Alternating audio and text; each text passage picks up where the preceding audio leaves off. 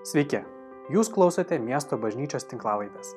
Pamokslas, kurį netrukus išgirsite, buvo įrašytas sekmadienio pamaldų metu. Meldžiame Dievo, kad Jis kalbėtų jums per šį pamokslą.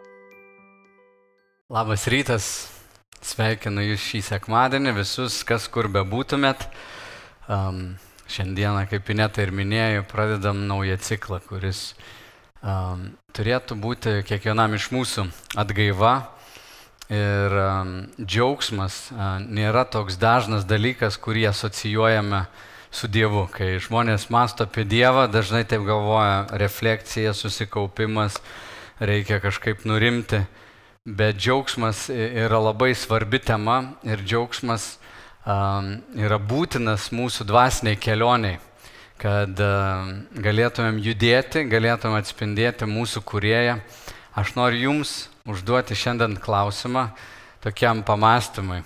Kada paskutinį kartą tu džiugavai? Ar pameni, kur tu buvai? Savo prote, jeigu galėtum nukeliauti dabar į tą akimirką, kas buvo šalia tavęs? Kokia tai buvo vieta? Kas įvyko tokio, kad tu pajutai gilų džiaugsmą, e, laikas kažkur dingo ir tu nuoširdžiai kaip vaikas džiugavai. Kada tai buvo? Šiandien, savaitės bėgėje, prieš mėnesį, prieš metus. Tikiuosi, kad tai nebuvo labai seniai. Bet ta būsena, kada tu džiugavai, yra tai, kuo Dievas mus sukūrė būti.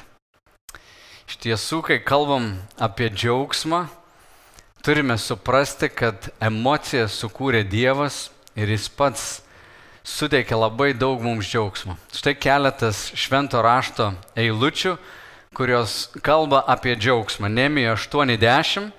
Dieviškas džiaugsmas, žiūrėkite, Nemijas rašo Dievo vardu, jisai sako, eikite, valgykite riebius valgius, gerkite saldų vyną ir pasiūskite dalį tiems, kurie nieko neturi paruošto, nes ši diena yra šventa mūsų viešpačiai. Nesisielokite, nes viešpatės džiaugsmas jūsų stiprybė. Džiaugsmas labai energizuoja žmogų. Džiaugsmas yra kažkas, kas ateina iš vidaus, kas nuolat būna žmoguje. Laiškė romiečiams Paulius rašo, Dievo karalystė nėra valgymas ir gėrimas, bet teisumas, ramybė ir džiaugsmas šventojoje dvasioje.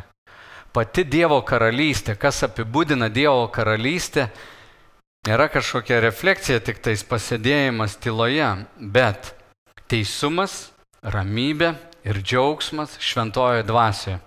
Ir dar viena vieta, Galatams 5.22, Paulius rašo apie dvasios vaisių ir sako, kad meilė, džiaugsmas, ramybė ir kitos uh, dovanos tos yra dvasios vaisius. Vadinasi, dvasiniam gyvenime džiaugsmas nėra šiaip toks periferinis dalykas, bet mano patirtis rodo, kad džiaugsmas yra kaip lakmuso popierėlis, kuris parodo mums apskritai mūsų sveikatą. Uh, Žmogus, kuris nebemoka džiaugtis arba kuris nesidžiaugia, jau kažkaip užteršė savo sielą, apsunko jo dvasia, kad jis nebeturi jėgų, arba jisai prisipildė nuosavų teisumų, bet kažkokiomis dvasinėmis priemaišomis, kad nebegali džiaugtis. Iš tiesų, e, tikras, tikras džiaugsmas yra laisvas nuo visų išorinių aplinkybių. Jis yra tylus, ramus užtikrintumas, kad Dievas myli ir veikia mano gyvenime. Džiaugsmas nėra tiesiog toks tiesiog pakrikštavimas, tai nėra juokas, anegdotų pasakojimas ar kažkokių gašlių minčių, kurios gali irgi sukelti juoką. Džiaugsmas yra tokia tyli, užtikrinta būsena, kad tu žinai, kad aš esu harmonijoje su Dievu, aš esu harmonijoje su kitais žmonėmis ir Aš žinau, kad Dievas veikia manyje. Ir džiaugsmas nėra priklausomas nuo išorinio aplinkybių. Kartai žmonės maišo e, džiaugsmą su laime. Laimė dažnai yra tai, kad mes suvokiam, jog įvyko taip, kaip norėjau, aš suplanavau, man pasisekė, aš gavau tai, ko norėjau, mano gyvenime nėra jokių blogų aplinkybių, viskas yra liuks ir fainai. Iš tiesų daug kas taip įsivaizduojam, kad džiaugsmai reikalingos būtent tokios aplinkybės ir jeigu Dievas, jis duoda džiaugsmą, vadinasi, jis duoda man visus, visus palaiminimus. Anaip tol. Kodėl mes apskritai kalbėjom su vyresniaisiais apie šį pamokslų ciklą šią vasarą, nes suvokiam, kad daug kas iš mūsų išgyvenam labai daug streso, kurio net gal net nepajutom. E, mes turėjom daug susirinkimų, daug ką permastom, galvojam apie bažnyčią, kaip mums kaip bendruomeniai gyvuoti, jeigu toks karantinas tęstųsi 2-3 metus. Pasirodė vat, mūsų bendruomenės gražiosios pusės ir kažkokie trūkumai. Ir mes apie tai mąstėm, bet suvokiam, kad labai daug žmonių išgyvena stresą, baimę, nerimą ir aš manau, kad daug tų dalykų jie dar tik pasirodys mūsų visuomeniai. Šiandien dar tebe kovojam su karantino pagalba, su, su to virusu, nors jo atrodo tiek daug nėra, bet žmonės pilni baimės, įtarus pasidarė. Moksleiviai, kurie sėdėjo pamokose online, jie kai kurie tokiam strese yra, jie tiek patyrė va tokio, nu, streso aš mačiau ir savo vaikuose, ir kalbėjau su kitais tėvais. Visa tai turės pasiekmes. Jeigu mes įsivaizduotum tokį laimingą, normalų pasaulį, sakytum, nu tai, kas įvyko dabar arba kas dar ateis su kažkokiais ekonominiais iššūkiais, nu tada atrodo džiaugsmas net nenusimato per ateinančius 2-3 metus. Kai kurie žmonės jau prarado darbus, kai kurie yra prastovose, kai kurie dar turės prastovas ir prarastus darbus, pajamas ir visa kita. Mums kaip Dievo žmonėms labai svarbu išmokti sustoti, išmokti ilsėtis, išmokti pasitikėti Dievu. Rūpinimasis yra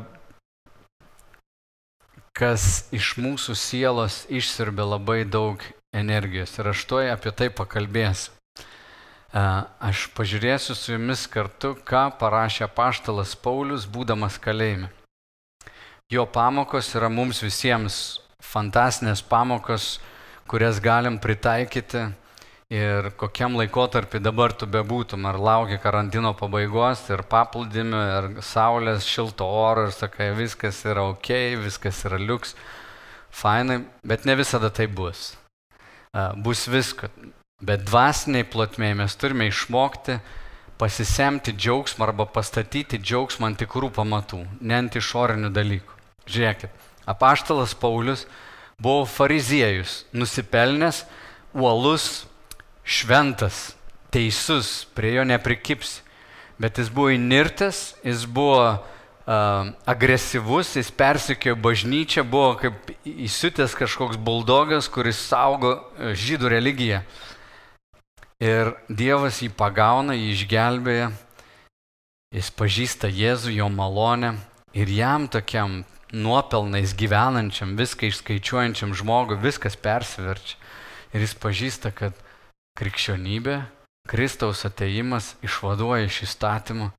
Jis pradeda pažinti malonę, tai ko nenusipelnė, gauna dovanai iš Dievo gerumo, palankumo. Dievas niekada jo nebesmerks, niekada jo nebeteis nes Kristus buvo nuteistas, apaštalas Paulius taip įtikė šitą žinę, kad pradeda ją visur skelbti. Jis važiuoja per Romos imperiją, steigia bažnyčias, galiausiai dėl to jisai susilaukė didžiausių kentėjimų, persekiojimų, už tai atsidūrė kalėjime. Sėdėdamas kalėjime jisai rašo laiškus, vadinamus tos kalėjimo laiškus į Efezo bažnyčią, bet rašo į Filipų bažnyčią, kurioje jis pats buvo, kurią įsteigė. Ir jo laiškas unikalus, įsivaizduokit žmogų prirakintą prie kareivio, 8 valandas ten per dieną, vienas kareivis, paskui pasikeičia kitas kareivis. Apaštalas Paulius sako, va čia tai Dievo humoras. Nu, fainai, gavau auditoriją, galiu pričinti, skelbti šitam žmogui Evangeliją. Pasidžiaukit kartu su manim. Jis sako visiems, rašo laiškė, džiaukitės, šita mano būsena labai pasitarnavo. Pliusas vienas, turiu kam pamokslauti. Kitas dalykas, žmonės pamatė, kad aš dėl Evangelijos įkalintas ir išdrasėjau, kiti pradėjo skelbti. Šiaip nežinau, galbūt mirsiu, bet man mirtis laimėjimas, žodžiu, dėl jūsų norėčiau pasilikti, bet brangiai, džiaukitės. Ir tu skaitai galvoja, ar jis kažkoks antžmogis, jam protas kažkur dingo. Kaip gali žmogus kalėjime džiugauti? Kai supranti, kad Pauliaus pamatas nėra aplinkybės, nei kalėjimas, nei tai, kad jam neduoda valgyti, kad jisai patiria didžiulius nepatogumus. Noriu tavęs paklausti, kokie tau nepatogumai. Ar tu buvai neteisingai apkaltintas ir negali atleisti kaimynui? Ar tavęs ten nemylėjo kažkas? Ar tave išdavė verslo partneris ir tu negali susitaikyti su tuo? Ar buvai pasodintas į kalėjimą, nieko blogo nepadaręs? Ar tau teko kentėti dėl teisumo? Ar tave apkalbėjo ir pradai draugus dėl to, kad uh, seki Kristumi, kad esi krikščionis? Ar patyrai patyčias? Arba kai visa ten tavo šaika, Hebro, lėkia kažkur pramogauti ir visi geria, tu sakai, aš negeriu, aš kitaip gyvenu ir dėl to patiri atstumimą ir tau nieks nebeskambina. Kokius sunkumus tu patyrei? Kas tave nuliūdino? Kas tau buvo sunku? Kur tu kentėjai? Ir jeigu tavo džiaugsmas va taip nulėkė visas, ar nėra taip, kad tu pametei kelią, pametei Kristaus kelią? Ir Jėzus nori, būdamas šalia tavęs, tave atstatyti ir paguosti. Apaštalas Paulius rašo tau iš kalėjimo. Taip, prieš 2000 metų, bet jis rašo laišką, kuris nukeliauja iki pat mūsų. Ir jis sako, laiškė filipiečiams, ketvirtas skyrius sako, džiaukitės viešpatie visuomet. Labai fainai, kad parašyta, jis nerašo, Džiaukitės atostogomis visuomet. Džiaukitės pakeltų atlyginimų visuomet. Džiaukitės, kad jūsų banko sąskaita gera. Džiaukitės, kad baigėt gerais pažymiais. Jis supranta ir žino tas istorijas, kai paštalai grįžo ir ligoniai pagyja, jie tokie patenkinti, jie tenais demonus išvarinėjo. Ir jie sako, Jėzau, viskas įvyko, kaip tu sakėjai. Jėzus sako, stop, stop, stop, nesidžiaukit tais dalykais. Džiaukitės, kad jūsų vardai įrašyti į gyvenimo knygą. Tuo džiaukitės. Ir apaštalas Paulius čia sako, džiaukitės viešpatie visuomet. Ir vėl kartoju, džiaukitės. Kitoj vietoje jisai sako, man kartoti neatsibodo, bet jums tai naudinga. Džiaukitės. Taigi džiaugsmas yra ne tik tais protinis tavo nusistatymas, kad tu sakai, aš turiu save užpumpuoti kažkaip, bet jis sako, džiaukis viešpatie tai tu gali pamastyti, kuo tu esi patenkintas viešpatė. Ar tu džiaugiesi, kad Dievas tau atleidžia, ar tu džiaugiesi, kad Jis tavęs nebekaltina, kad Jis tavęs nesmerkia, kad Jis tave aprūpina, kad tavo gyvenimas niekada, niekada nebesibaigs.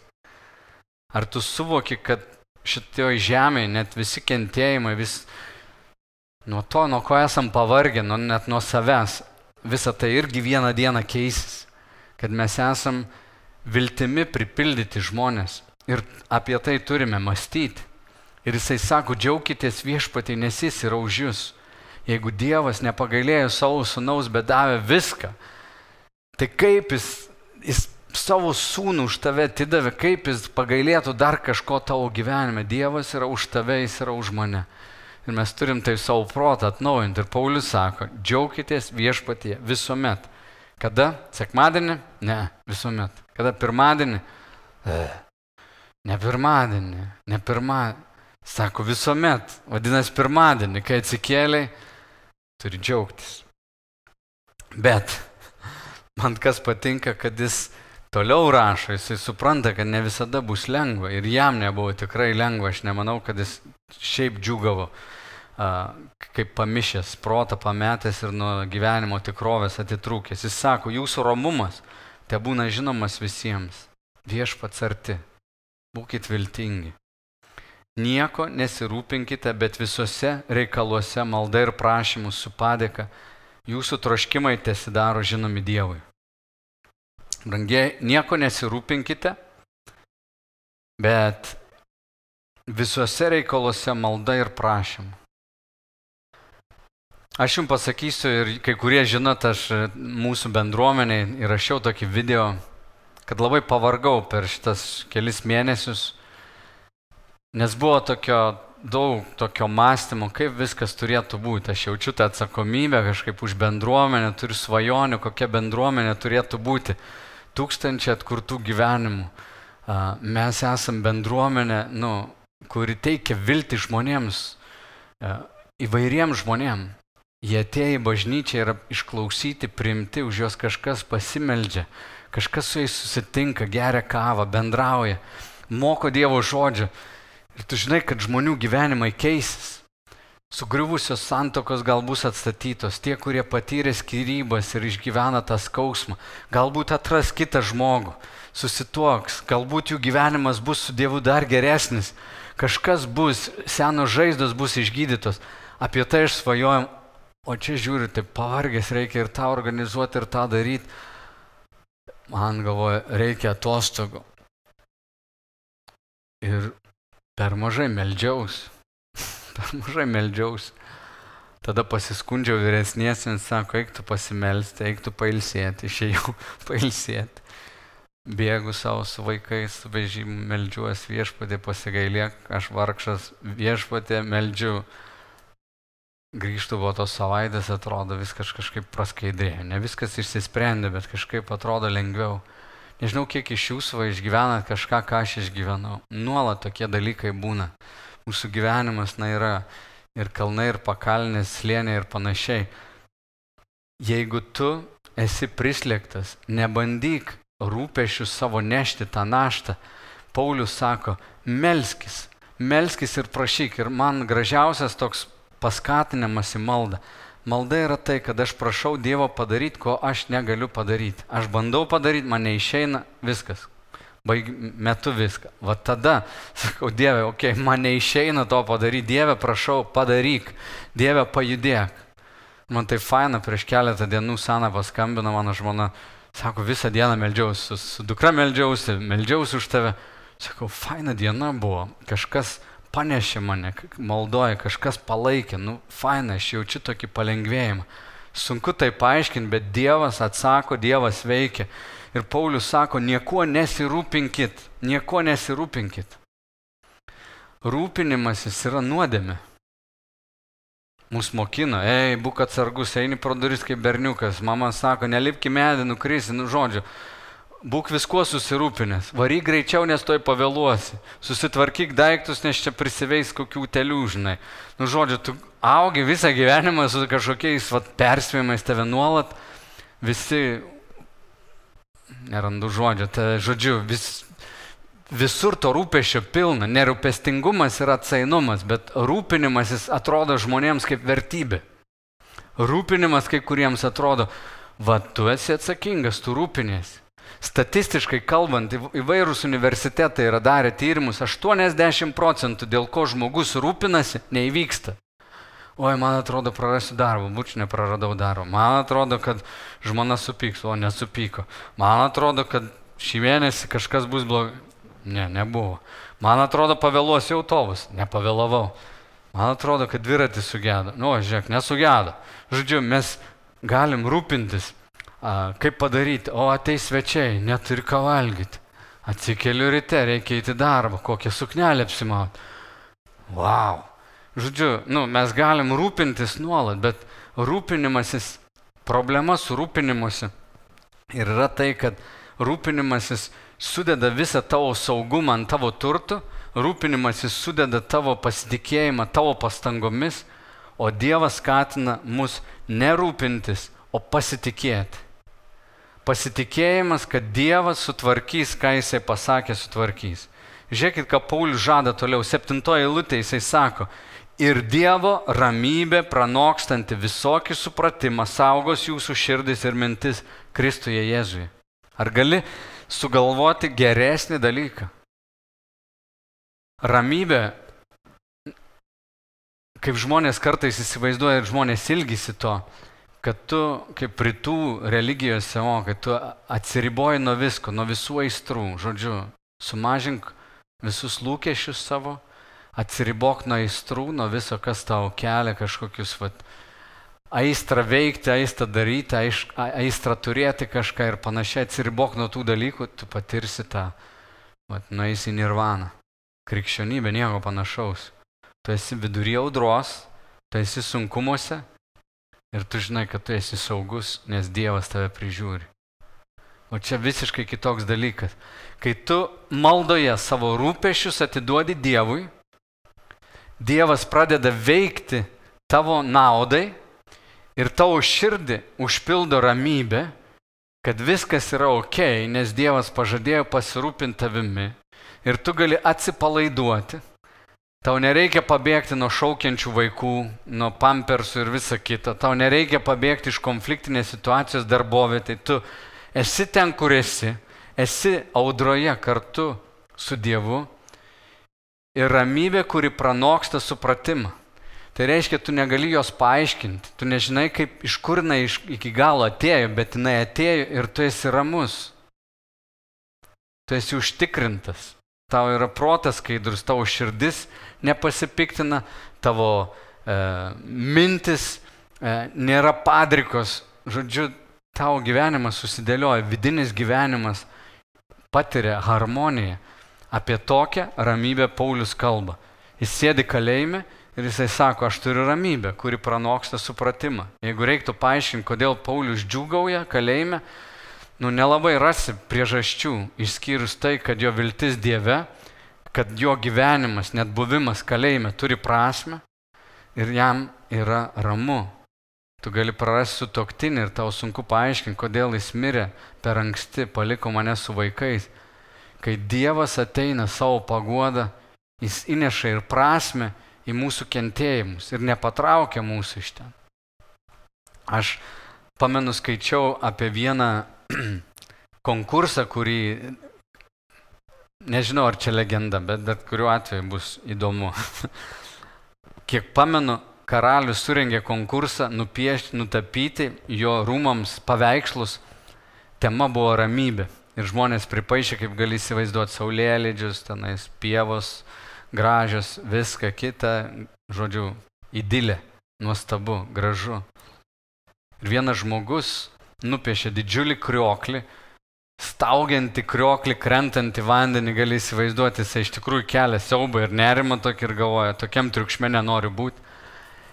Bet kai įsižiūri tame krioklyje, yra išlindęs vienas akmuo už to akmens, už to vandens mažas paukščiukas lizda susukė savo vaikeliams maitina vaikelius.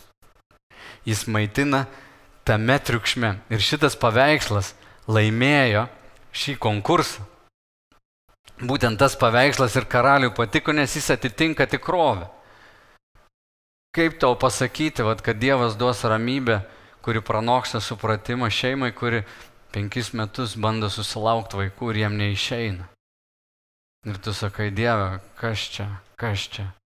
Matai, jeigu tu turi tokį supratimą apie laimę, kad viskas turi būti gerai, jeigu tu tikiesi, kad krikščioniškas gyvenimas bus tiesiog skaidrus, gražus, be problemų, tai kai kažkas įvyks ne taip, kaip tu nori, ne taip, kaip tu planavai, tu prarasi ramybę, tu prarasi džiaugsmą ir greičiausiai supyksi ant Dievo, nusivilsi juo.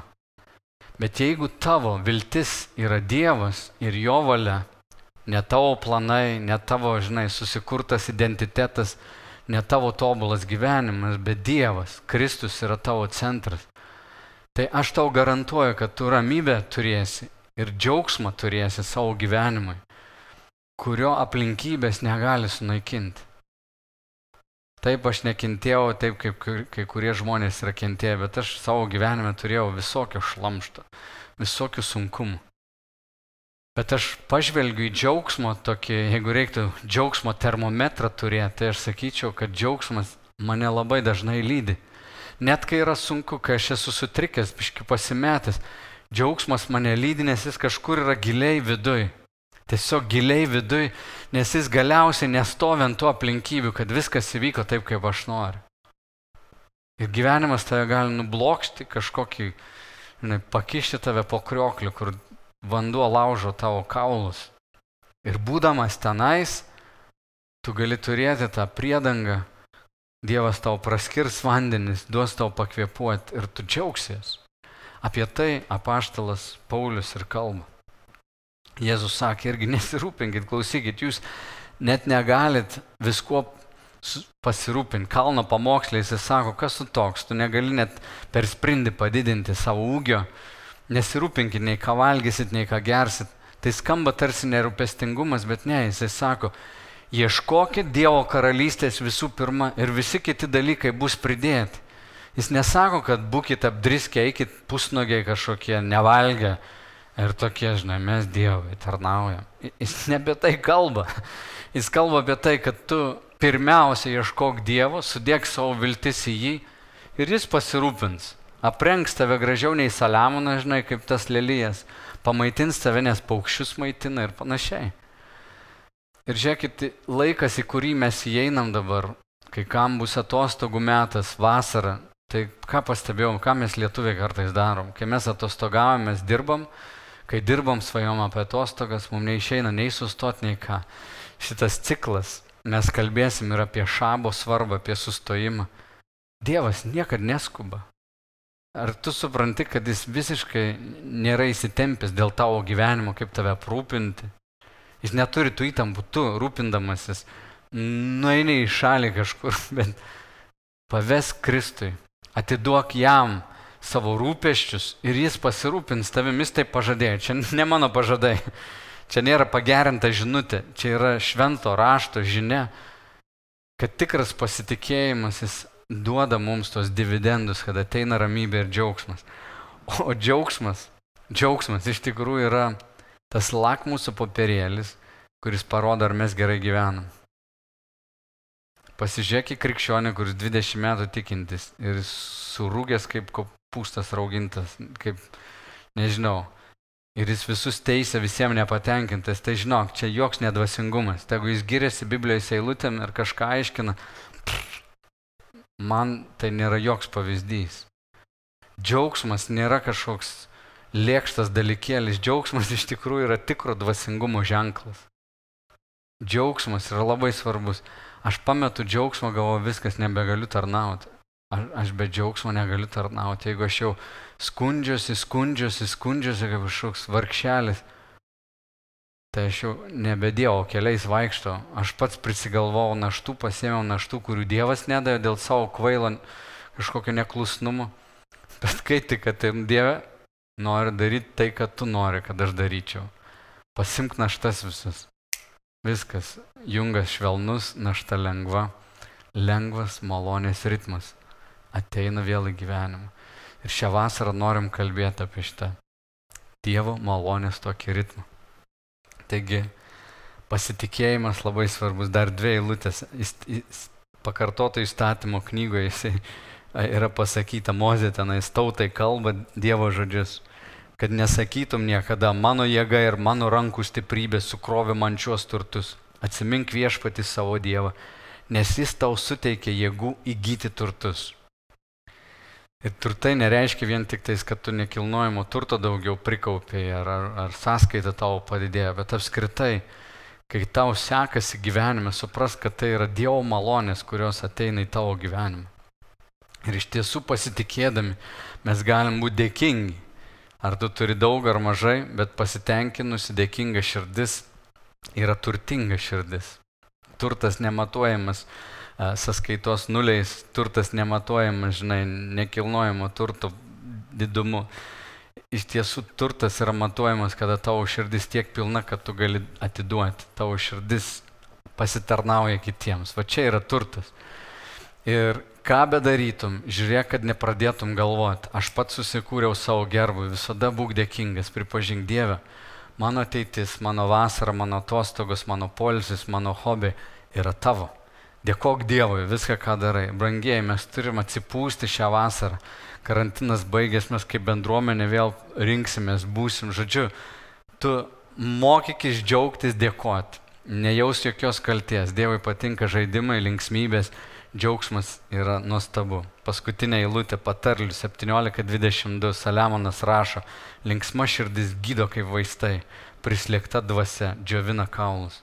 Brangieji, linksma, širdis gydo kaip vaistai. Dievas mūsų sukūrė džiaugsmui. Aš tiesiog noriu uh, įtikinti tave tuo, kad tikroji gyvenimo būsena yra tas flow toks. Ta tiekmė, kada tu žinai, aš darau, ką darau, nes Dievas mane pašaukė tam. Aš tarnauju ten, kur tarnauju, nes Dievas man davė tokius gebėjimus. Aš gyvenu kaip gyvenu harmonijai su tėvu, su numis šventąją dvasia, su broliais sesėm, su kaimynais, siekiu taikos visiems. Aš esu toj harmonijoje, kai tu esi tokioj širdį, kai tavo gyvenimas yra harmoningas, nes Kristus yra pirmoji vietoje, aplinkybės nebetampa tokios svarbios. Va ta džiaugsmo būsena ir yra lakmuso papirėlis, ar tu gyveni teisingai. Teisingas gyvenimas bus pažymėtas džiaugsmu. Ir džiaugsmas, sakau, nebus tik šalutinė kažkokia emocija. Džiaugsmas yra vienas pagrindinių mūsų termometrų, kaip mes gyvenam šitam gyvenime. Esam pašaukti uh, laimingam, laisvam gyvenimui. Mano klausimai tau. Ar esi supykęs ant Dievo, nes kažkas neįvyko kaip svajojai? Kaip tau atrodo, kam reikia pasikoreguoti tau ar Dievui? Raginu tave apmastyti, nesijuokdamas iš tavo situacijų. Gal gilus nusivylimas yra tavyje, bet paves savo kelią viešpačiui, jis atgaivins tave. Pamastyk apie tai. Pamastyk apie šitos dalykus. Pažiūrėk, pasaulio keliai siekia laimės, nusistresinti, nusinulinti, pasileisti plaukus čia laimė. Krikščioniškas gyvenimas, eini siaurų kelių, klusnume patiri džiaugsmą. Dėl įvairių aplinkybių tu nesijaudini, atneši savo rūpeščius jam, jis suteikia tau. Ar taip gyveni? Tai yra įprotis ir džiaugsmas yra pratybos. Vadinasi, tu turi išmokti džiaugtis. Lietuviams, manau, yra daugiau darbo nei brazilams ar kai kuriem afrikiečiam. Bet kaip dvasiniam žmonėm visi turim praktikuoti džiaugsmą. Todėl visus savo rūpešius atiduok jam. Ir mano malda, kad tu pavestum jam savo rūpešius, kad mes visi dabar pasimelstum. Dieve, išklausyk mūsų maldą, štai mūsų bendruomenė. Aš nežinau visų, tu viešpatie matai, kažkas išgyvena stresą, kai kurie vaikai išgyvena didelį stresą po šio karantino visų tų mokslų. Viešpadė padėk kiekvienam užbaigti mokslus gerai. Viešpadė mes melžiam palaimink bendruomeniai mūsų šią vasarą. Mes melžiam viešpadė, kad žmonės, kurie tavęs nepažįsta šiandien, žiūri pamaldas, galbūt pirmą kartą čia, kad jie atrastų tave Kristau, koks esi geras ir kad tu gali panešti jų naštas. Mes melžiam viešpadė, paversk griuvėsius žydinčiais sodais. Vietoj liūdėsio daug džiaugsmo, aliejaus. Į tavo rankas, kaip paprasti maži vaikai, mes atiduodam savo rūpestėlius. Viešpatie paimk juos. Įvardink, jeigu turi kažkokį rūpestį, kas tave slegia. Santykiai, darbai, aplinkybės. Įvardink jas dabar Dievas. Dieve, atiduodu tai, atiduodu tai. Rytoj, jeigu pradėsi rūpintis, Vėl atiduok, Dieve, atiduodu tau tai. Viešpatė išgirs dabar šitas maldas. Atsakyk į jas, kad tavo vardas būtų išaukštintas. Per Kristų Jėzų meldžiam. Amen. Būkit palaiminti, būkit sustiprinti ir džiaukitės. Amen. Ačiū, kad klausėte. Daugiau informacijos apie miesto bažnyčią rasite internete www.m-b.lt arba Facebook, Instagram bei YouTube paskiruose.